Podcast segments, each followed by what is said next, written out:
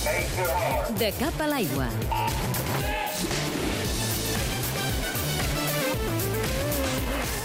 La ciutat de Barcelona es convertirà d'aquí a nou mesos en el centre mundial de la natació i dels esports d'aigua. Serà, per tant, la segona vegada que Barcelona acull un mundial de natació i en aquesta ocasió ho farà amb novetats. La cita barcelonina serà pionera perquè incorpora al calendari una nova disciplina que es farà al moll de la fusta.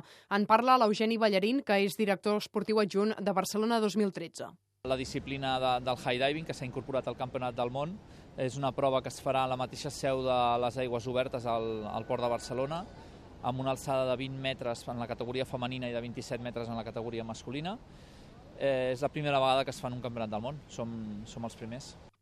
L'Eugeni també ha estat un dels qui ha dissenyat els circuits de les proves d'aigües obertes que també es faran al port per acostar al màxim aquesta competició a la ciutadania. La idea inicial de, dels circuits que es duran a terme, que són, excepte en la prova de 25 quilòmetres que se surt una miqueta per la bocana del port, però, però no s'arriba a sortir a mar obert, és eh, l'assolir uns circuits eh, visibles al públic en el 80-90% del recorregut. És una miqueta el buscar un circuit eh, urbà de Fórmula 1 a l'aigua, no?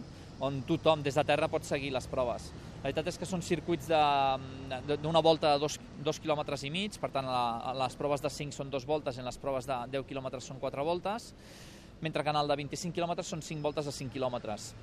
En aquest, en aquest eh, podem veure potser un 70% de la prova des de, des de terra fixa.